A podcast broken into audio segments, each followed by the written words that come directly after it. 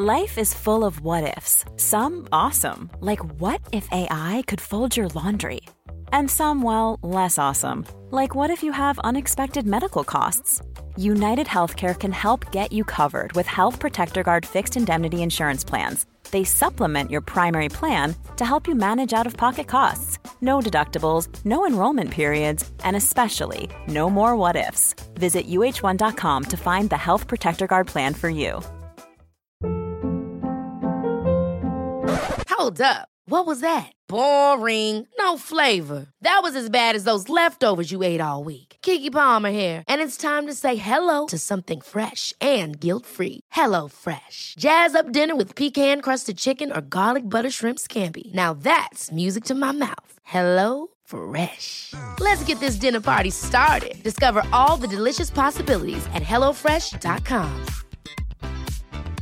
Quality sleep is essential. That's why the Sleep Number Smart Bed is designed for your ever evolving sleep needs. Need a bed that's firmer or softer on either side? Helps you sleep at a comfortable temperature? Sleep Number Smart Beds let you individualize your comfort so you sleep better together. JD Power ranks Sleep Number number 1 in customer satisfaction with mattresses purchased in-store. And now, save 50% on the Sleep Number limited edition Smart Bed for a limited time. For JD Power 2023 award information, visit jdpower.com/awards. Only at a Sleep Number store or sleepnumber.com. Palmemordet GH Christer A del 3 Christer A kan aldrig fällas för Palmemordet. Det största skälet till det är ju förstås att han sköt sig själv i huvudet till döds 2008.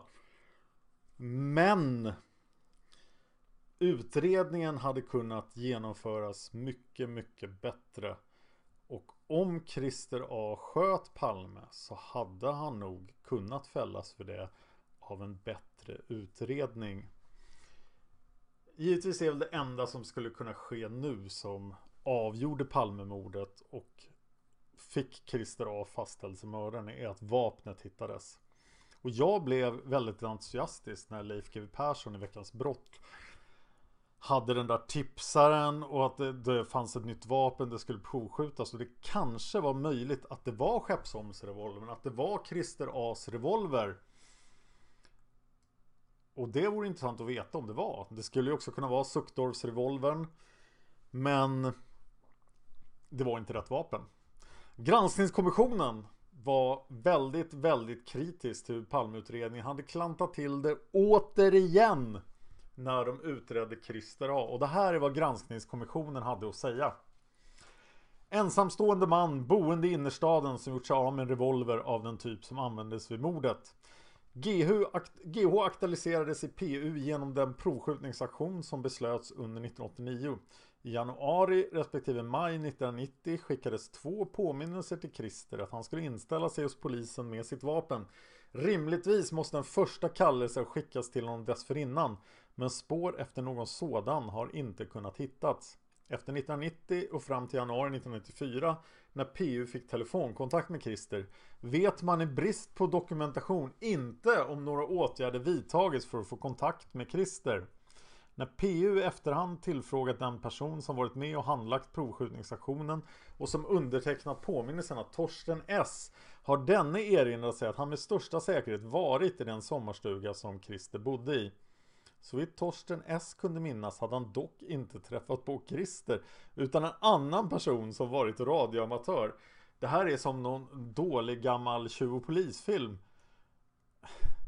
Så vitt Torsten S kunde minnas hade han Trots att Torsten S uppgett han troligen gjort anteckningar om hembesöket finns inga sådana anteckningar registrerade. Någon uppgift om vilken tidpunkt det skulle ha skett finns inte heller.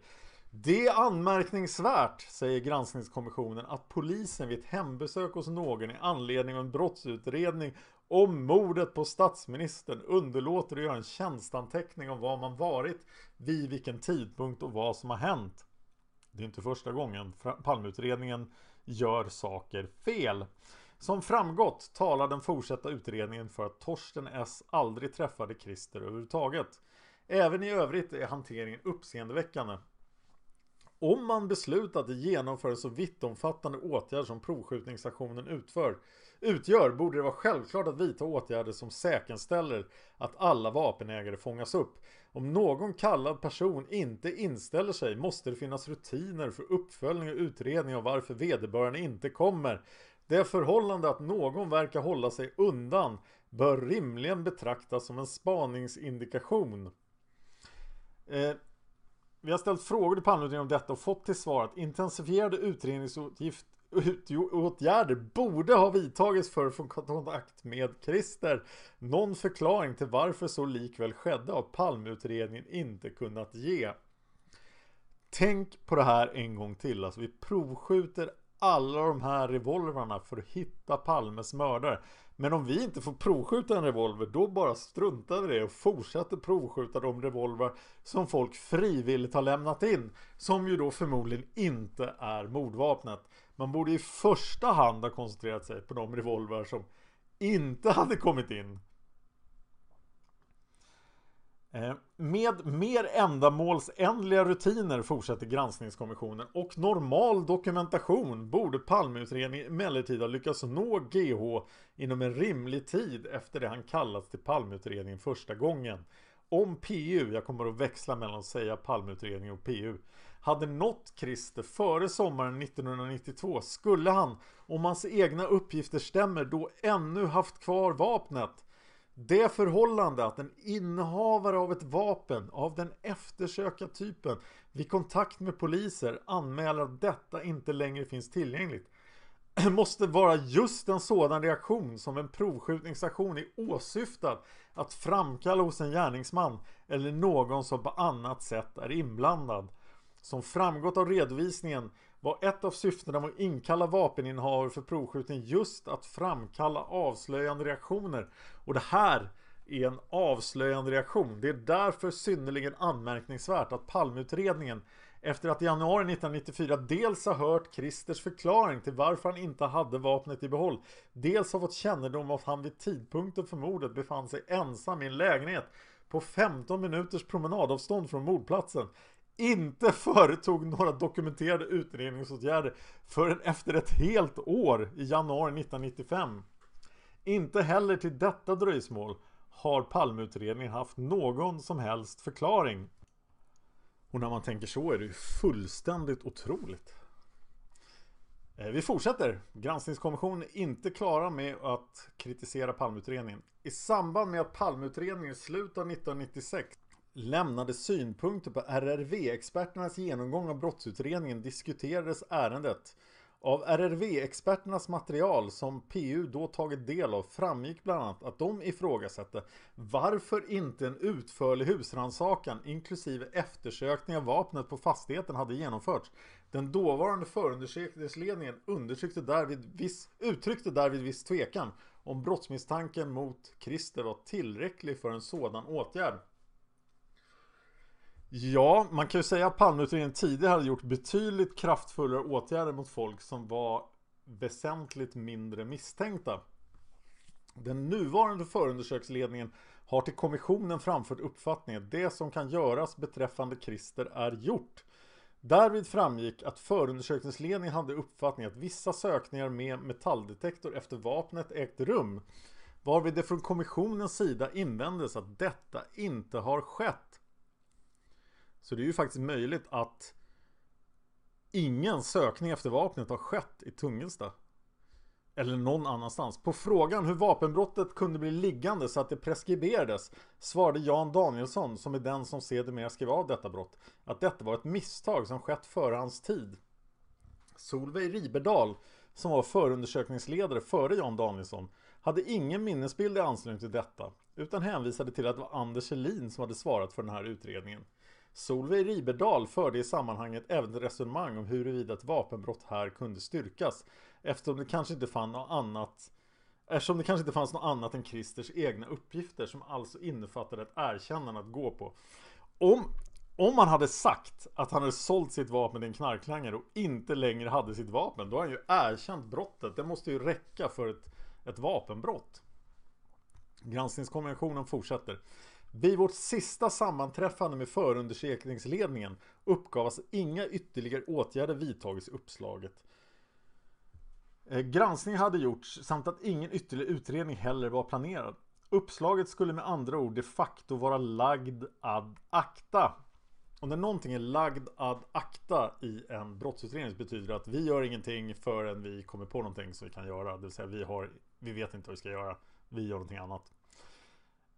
Granskningskommissionen fortsätter. Vi anser mot bakgrund av den information vi haft tillgång till att detta uppslag i väsentlig grad är otillräckligt bearbetat. Det är för oss mycket förvånande att inte gjorts något allvarligt försök att utreda det i botten. Man kan jämföra med uppslaget GG, en annan av gärningsmannaprofilerna, som vi kommer att prata om senare, där mindre intressanta uppgifter föranledde en uttömmande insats 1996. Beträffande GH finns som framgått dessutom exempel på icke vidtagna utredningsåtgärder som förundersökningsledningen trott har varit vidtagna. Vi ställer oss också frågan inför hanteringen av Christers självdeklarerade brott mot vapenlagen där utredning och lagföring inte fullföljts. Det brott som Christer själv erkänt är allvarlig och skulle enligt en tämligen fast praxis ha föranlett ett kännbart straff. Det kan synas som om Palmeutredningen, för att inte störa mordutredningen, låtit detta brott preskriberas. Vi har dock inte underlag att påstå att detta är förklaringen till underlåtarna. En naturlig reflektion är att en utredning av vapenbrottet bör ha kunnat sätta viss press på Christer och därigenom ha skapat klarhet även beträffande sådant som är av intresse i mordutredningen.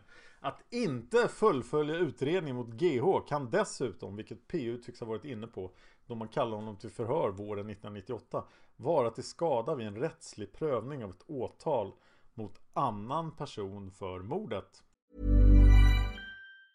Det är Ryan Reynolds och jag är här med Keith, co-star of my upcoming film If, only in theaters May 17th. Do you want to tell people the big news?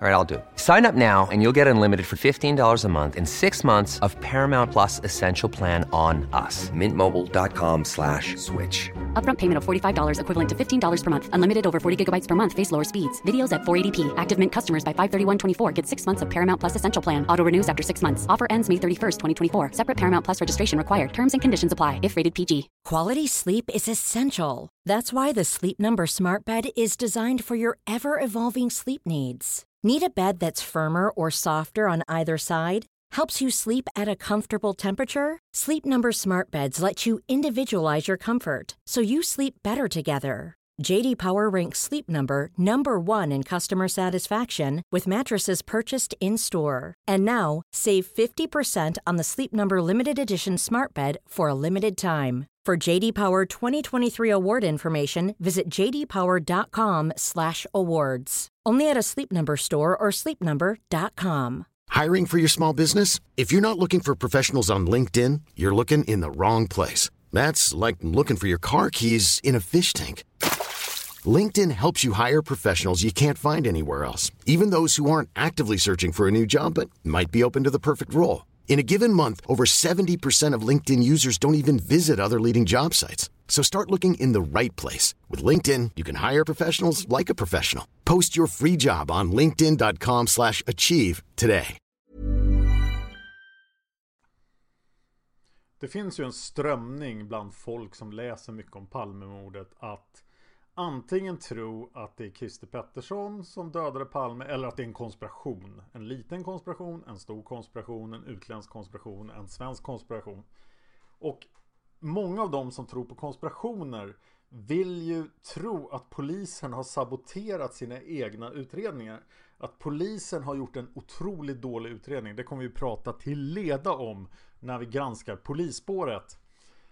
Men här ser man ju en utredning som faktiskt hittar en ensam galning som kan ha skjutit Palme. Det här, Christer A, om man ville ha en syndabock för Palmemordet så är ju Christer A perfekt. Det här är ju lysande. Konspirationerna borde ju hoppa av glädje och genomföra den här utredningen.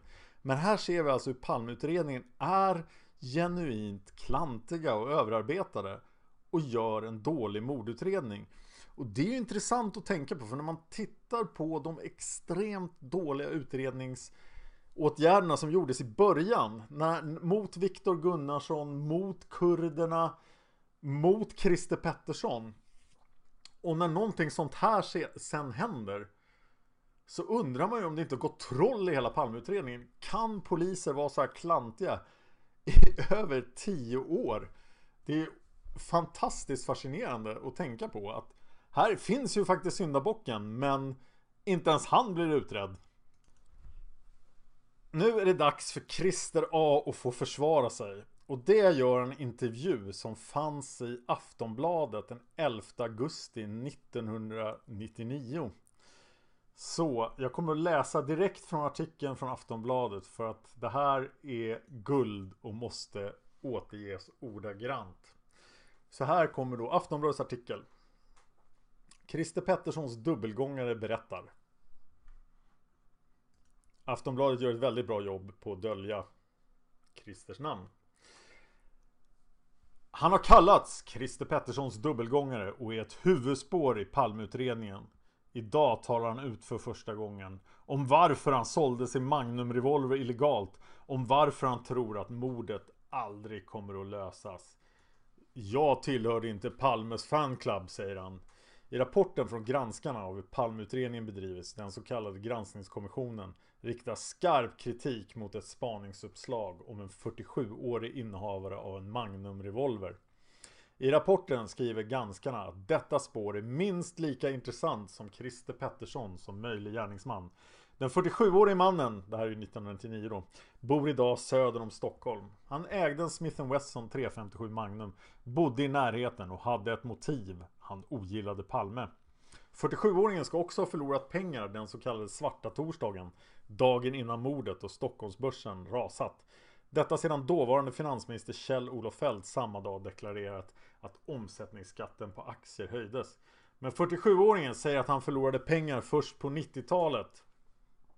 Och det var ju konstigt måste jag inflika för då flyttade han alltså ut till sommarstugan 87 bara för att han ville vara närmare naturen. Aftonbladet frågar Poliser hävdar att du brukar röra dig i trakterna vid Olof Palmes gata. Christer svarar Ja herregud, det är ju i city. Jag bodde ju i Vasastan. Det är väl inget konstigt att man rör sig där. I varje fall inte när man bor där. Men herregud om det ska vara på så viset. Det är väl flera hundratusen som är misstänkta.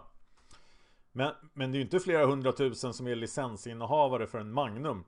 Nej, nej, men att röra sig där. Man får väl gå på gatan. Sveavägen är ju största gatan i stan. Får man inte gå på Sveavägen? Räknade du med att polisen skulle höra av sig när Holmer började visa upp Magnumrollar? Ja, för fan! Jag bara satt och väntade. Jag tog det som en självklarhet eftersom jag bodde inne i stan. Jag tänkte att de gör det säkert systematiskt. De börjar med alla inne i stan. Sen tar de alla i förorterna. Och sen alla i det övriga landet. Men, men de hävdar ju att du har blivit kallad och skickat påminnelser. Och att du trots det struntat i att inställa dig för att få vapnet provskjutet. Ja, det var efter att de hade misslyckats med att sätta dit Christer Pettersson. Man såg hur det gick till. De började med den där Gunnarsson. Han satt ju länge innan han släpptes av åklagaren. Det var någon som hade pekat ut honom, men det visade sig att polisen hade visat vittnet ett fotografi först och sedan pekade ut honom. Och till Lisbeth Palme hade de sagt på förhand att det var en uteliggare eller lodis och visat en video för henne för hon var säker på att det var han. Jag trodde inte polisen fick arbeta så. De var ute efter att sätta dit någon. Men varför kom du inte in och fick vapnet provskjutet så att du slapp bli misstänkt? Av den anledningen att jag var sist. De hade ju förbrukat Christer Pettersson. Och har de förbrukat Christer Pettersson har de också förbrukat Lisbeth Palme. Så jag litade faktiskt inte på polisen. Men polisen skulle ju förr eller senare komma på att du hade gjort dig av med vapnet illegalt. Nej, jag trodde ju först att de inte var intresserade eftersom de inte gjorde något på många år. Hade de kommit dagen efter, månaden efter, året efter, hade jag haft dem vapnet kvar. Det sa jag till dem också i förhören. Fick du behålla licenserna efter att du hade sålt Magnum-revolvern illegalt? Ja, de ville ta mig licenserna för de andra vapnen men det hade kommit en ny vapenlag så det hade faktiskt blivit preskriberat. De sa att det var grovt vapenbrott och jag var väl inställd på att jag skulle åka dit på det. Men det rann ut i sanden på något vis hos åklagarna. Jag bara satt och väntade på att de skulle ta mig till häktet. Tror du att mordet kommer att klaras upp? Nej, jag tror att det har kallnat. Det ska ju finnas en beviskedja med olika länkar. Dels Palmes kropp, dels kulan, dels mordvapnet och dels gärningsmannen. Så i domen i hovrätten slog de ju ner på att det saknades teknisk bevisning. Kommer de inte upp med något sånt är det nog kört. Man kan inte gärna använda ögonvittnen efter 13 år. Det här har varit en enda stor hönsgård från första början. Vem, vem tror du sköt Palme? Jag tror inte att de behöver gå så långt utanför polishuset faktiskt. Men jag har inga bevis. Var, var, finns din revolver just nu? Den du sålde? Det vet jag inte faktiskt. Köparen sa aldrig vad han skulle ha den till. Nej, jag tror han ville ha den för att styla med, inte för att använda den. Så du ångrade att du sålt den? Jag ångrar mig som fan naturligtvis. Men jag hade ju legat efter rätt mycket med hyran, flera månader. Fått påminnelser, så jag räknade kallt med att bli vräkt. Jag behövde snabba stålar. Var det skulder för aktier? Ja. Vet du vad leverage är? Det innebär att du har en aktiepost, så belånar du den, får pengar, köper nya. Så stiger det och så lånar man mera. Det är en toppenaffär så länge börsen går upp. Men när proppen går ur är det inte lika toppen. Så jag hamnar på pottkanten finansiellt sett. Stämmer det att du var på ett café när, eh, nära mordplatsen på tioårsdagen? Ja, inte vet jag. Jag skriver ingen dagbok. Jag har inte gått på café bara för att fira tioårsdagen av mordet. Det har inte jag gjort. Vad gjorde du på mordnatten? Jag var hemma. Det var ju fan mitt i natten. Jag låg och sov. Kamrater i skytteklubben har sagt att du är en excellent skytt. Det beror väl på vem man jämför med. Jämfört med Skanåker är man inte större än en tum. Men jag höll mig på hyfsad klubbstandard. Men herregud. Träffa en helfigur på ett par meters håll. Det kan ju även en blindbock göra. Tillbaka till Sveavägen. Den som gjorde det var en amatör tycker du. Jag vet inte hur han bar sig åt för att missa Lisbeth Palme. Han kanske inte siktade på henne. Han kanske blev nervös. I utredningen sägs ju att du ska ha skjutit mot Palme när han var i TV. Nej, det kan jag dementera. Men du gillade inte Palme riktigt. Nej, jag tillhörde väl inte hans fanclub. Var det du som sköt Palme? Nej. Men om vi nu ponerar att det var Christer A som sköt Palme så ska jag nu försöka mig på en gärningsbeskrivning. Så, det är den 28 februari 1986. Christer A sitter i sin stora lägenhet på Hälsingegatan och kan ha insett att hans ekonomi kommer att bli förstörd. Det är Palmes fel, det är Kjell-Olof Feldts fel. Förmodligen var han lika sur på honom. Han måste väl inse att finansministern hade en del att göra med det här. Det var ju finansministern som hade berättat det.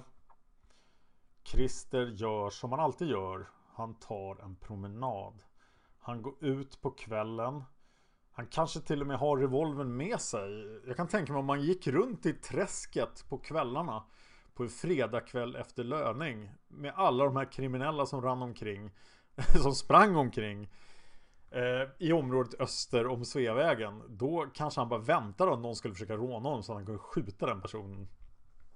Och jag kan tänka mig hur det skulle ha sett ut om någon av de här alla de här karaktärerna som hängde på Oxen som vi ska prata om när vi kommer till spelklubben Oxen de här Janne Värmland och Gurra med kniven och allt vad de hette. Om någon av dem kommer fram och försöker ta Christers pengar då skulle de få smaka Magnum, det är vad jag tror. I alla fall, Christer går ut på gatan och promenerar och funderar på vad ska han göra? Hur ska han komma ur den här ekonomiska knipan? Som han nu är i. Av en slump kommer han gående på Sveavägen. Och då ser han paret Palme gå in på Grand. Jag har inte sett några uppgifter om att Christer gillar att gå på bio. Det var väl för mycket människor så jag tror inte han av en slump var vid Grand för att gå på bio. Utan han är nog bara på väg förbi där. Men då upptäcker han att Palme är där. Han står och stirrar utanför. Han försöker se vilken film Palme går på. Han får reda på att Palme går på Bröderna Mozart. Han går hem. Tar på något sätt reda på ungefär när den här filmen ska sluta. Men jag tror han kanske inte tar reda på det. För att han kommer tillbaka för tidigt då enligt ett vittnesmål. Men han går hem och hämtar revolvern om han inte redan hade den med sig. Och han bestämmer sig för att han ska skjuta Palme. När paret Palme kommer ut från bion Palme, Lisbeth, Mårten och Ingrid står och pratar Så är han i närheten. Han följer efter Tittar efter ett tillfälle när han kan skjuta Palme utan, all, utan allt för många vittnen. Och plötsligt efter korvkiosken går Palme och Lisbeth över gatan. Christer bestämmer sig då för att springa fram och väntar vid Dekorima-hörnet. Han känner till det här området jätteväl. Han vet att trapporna, han vet att Palme är på väg framåt Sveavägen. Han behöver inte ens veta var Palme bor. Han vet ju att Palme har gått över gatan och är på väg mot Kungsgatan. Så han fortsätter söderut på Sveavägen. Tar sig över till Dekorima-hörnet. Står vid Dekorima-hörnet och väntar. Och när Palme går förbi så... Och här är intressant för om Christer var synskadad då och hade glasögon när han var vid Grand som vissa vittnen säger att grannmannen hade så kan han mycket väl ha tagit av sig glasögonen här och det är kanske därför vittnen ser mördaren lägga handen på Palme för att verkligen kolla en extra gång att det här är Palme och inte Sigge Cedén. Nej, det var ett skämt. Men sen skjuter Christer Palme med sin egen revolver. Han skjuter ett skott mot Lisbeth Palme. Det är möjligt att det skottet går av av misstag. Eller att, men hon vrider sig om, hon klarar sig. Han kanske menade att mörda henne också för att det inte skulle finnas något vittne. Men sen springer han lugnt och kontrollerat som de flesta vittnen uppger i sina tidigare rapporter. Bort, han passerar Lars J. Han kommer upp för trapporna. Han är någorlunda bra form men han är inte supervältränad. Så han är lite andfådd när han springer förbi Yvonne N. När han kommer till hörnet David Bagares gata, Regeringsgatan, har Lars J inte kommit upp för trapporna än. Han svänger av på Regeringsgatan och försvinner där. Han krockar i den här kvinnan. Springer vidare. När han kommer ner på Birger börjar han gå lugnt. Han går vidare. Han går ner mot till Odengatan. Svänger upp på Odengatan och går hem. Och är hemma på en kvart. Och sen sitter han bara där och funderar på vad sjutton han ska göra nu. Och det, han kanske till och med är så kall att han funderar mer på vad han ska göra med sin ekonomi än vad som faktiskt kan hända på grund av att han sköt Palme. Men han måste ju förstå här också att det här måste ju vara otroligt svårt att hitta honom. Det här är ju verkligen ett spaningsmord om det är han som är mördaren. Och som jag nämnde tidigare, det förklarar så mycket om vi har den här icke-sociala människan som aldrig pratar med någon. Han har inga problem att hålla tyst. Han för diskussionen om det här med sig själv i sitt eget huvud. Och där sitter då Christer i ruinen av sitt liv. Han blir av med lägenheten. Men han kan hela tiden titta på TV och han har ju, som vi hörde intervjun från Aftonbladet, han har ju koll på utredningen. Han ser den galne österrikaren passerar, han ser 33-åringen, han ser kurderna, han ser Christer Pettersson. Och han måste ju ha skrattat Christer åt det här. För att se alla de här åtgärderna, se världens största olösta mordutredning bara fortgå. Och de kommer inte ens och provskjuter han revolver. Hans revolver, i något tillfälle så gör han sig av med revolvern. Jag tror ju då att om han var mördaren så gör han sig av med revolvern långt, långt innan 1992. Det här var ju förmodligen bara en historia som han hade kommit på att han skulle berätta direkt när Palmeutredningen kom. Så hade de kommit till honom jag, jag, jag förstår inte varför de inte provsköt revolvern 1986 istället för att jaga kurder. Men om de hade kommit 1990 då hade han ju sagt att han hade sålt vapnet 88.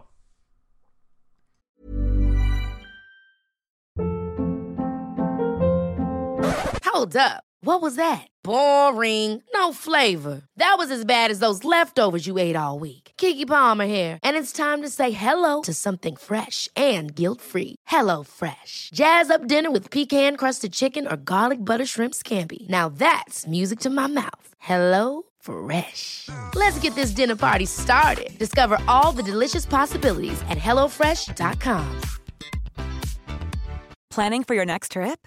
Elevate your travel style with Quince. Quince has all the jet setting essentials you'll want for your next getaway, like European linen, premium luggage options, buttery soft Italian leather bags, and so much more. And is all priced at 50 to 80% less than similar brands. Plus, Quince only works with factories that use safe and ethical manufacturing practices. Pack your bags with high-quality essentials you'll be wearing for vacations to come with Quince. Go to quince.com/pack for free shipping and 365-day returns. When you make decisions for your company, you look for the no-brainers. And if you have a lot of mailing to do, stamps.com is the ultimate no-brainer. It streamlines your processes to make your business more efficient, which makes you less busy. Mail checks, invoices, legal documents, and everything you need to keep your business running with Stamps.com.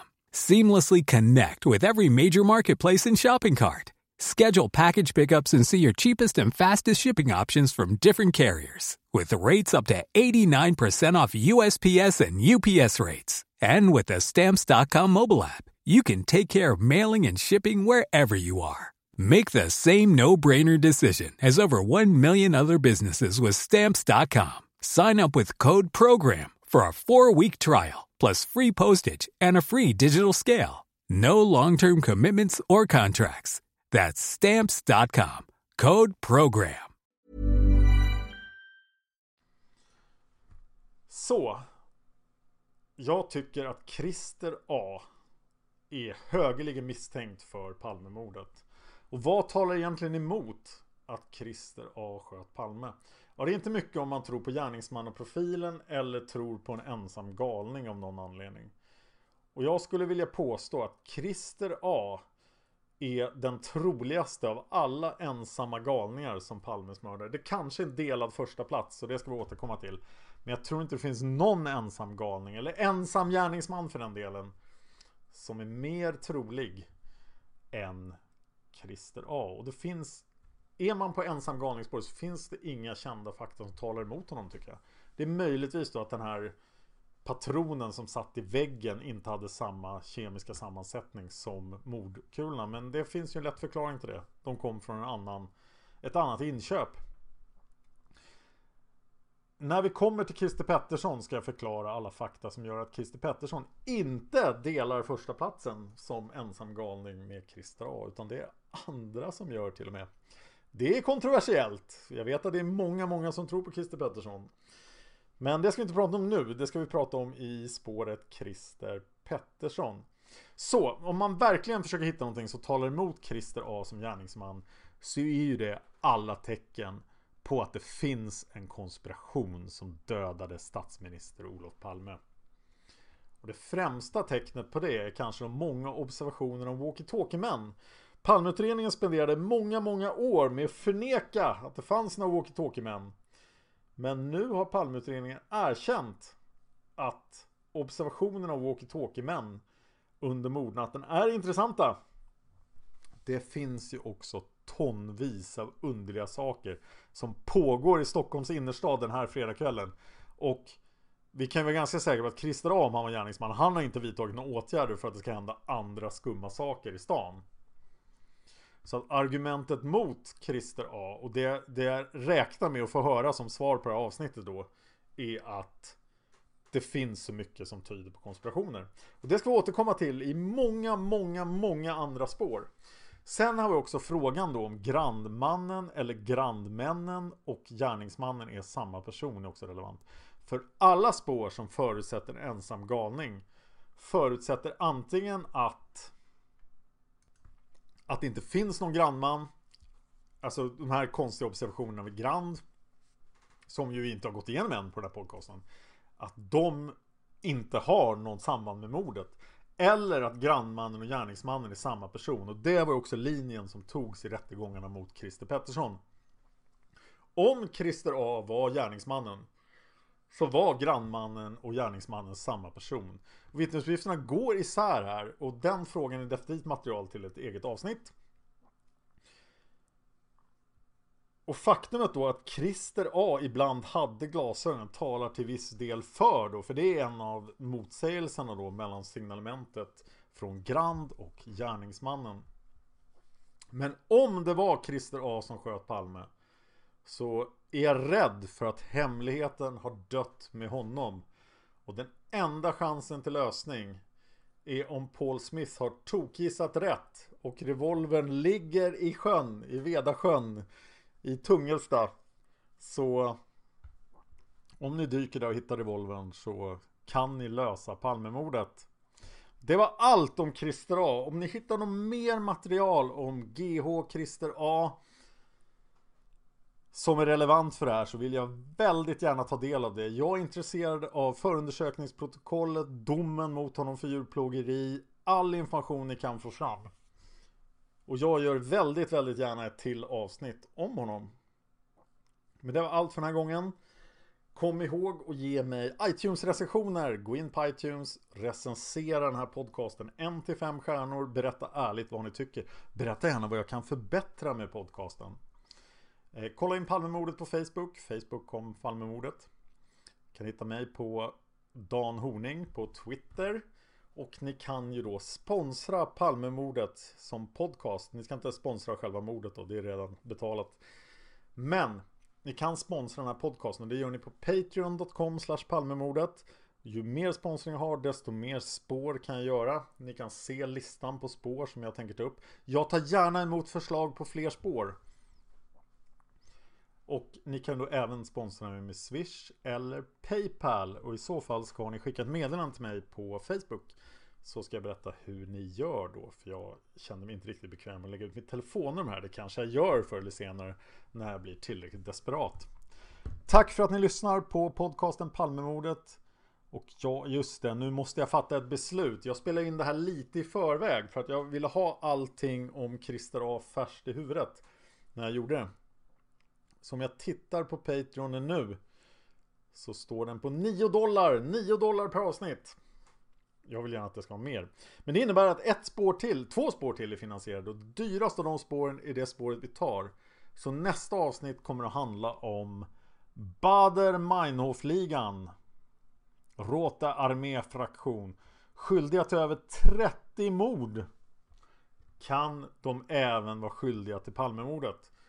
Ja, det måste ni lyssna på nästa vecka för att få reda på. Ha det bra!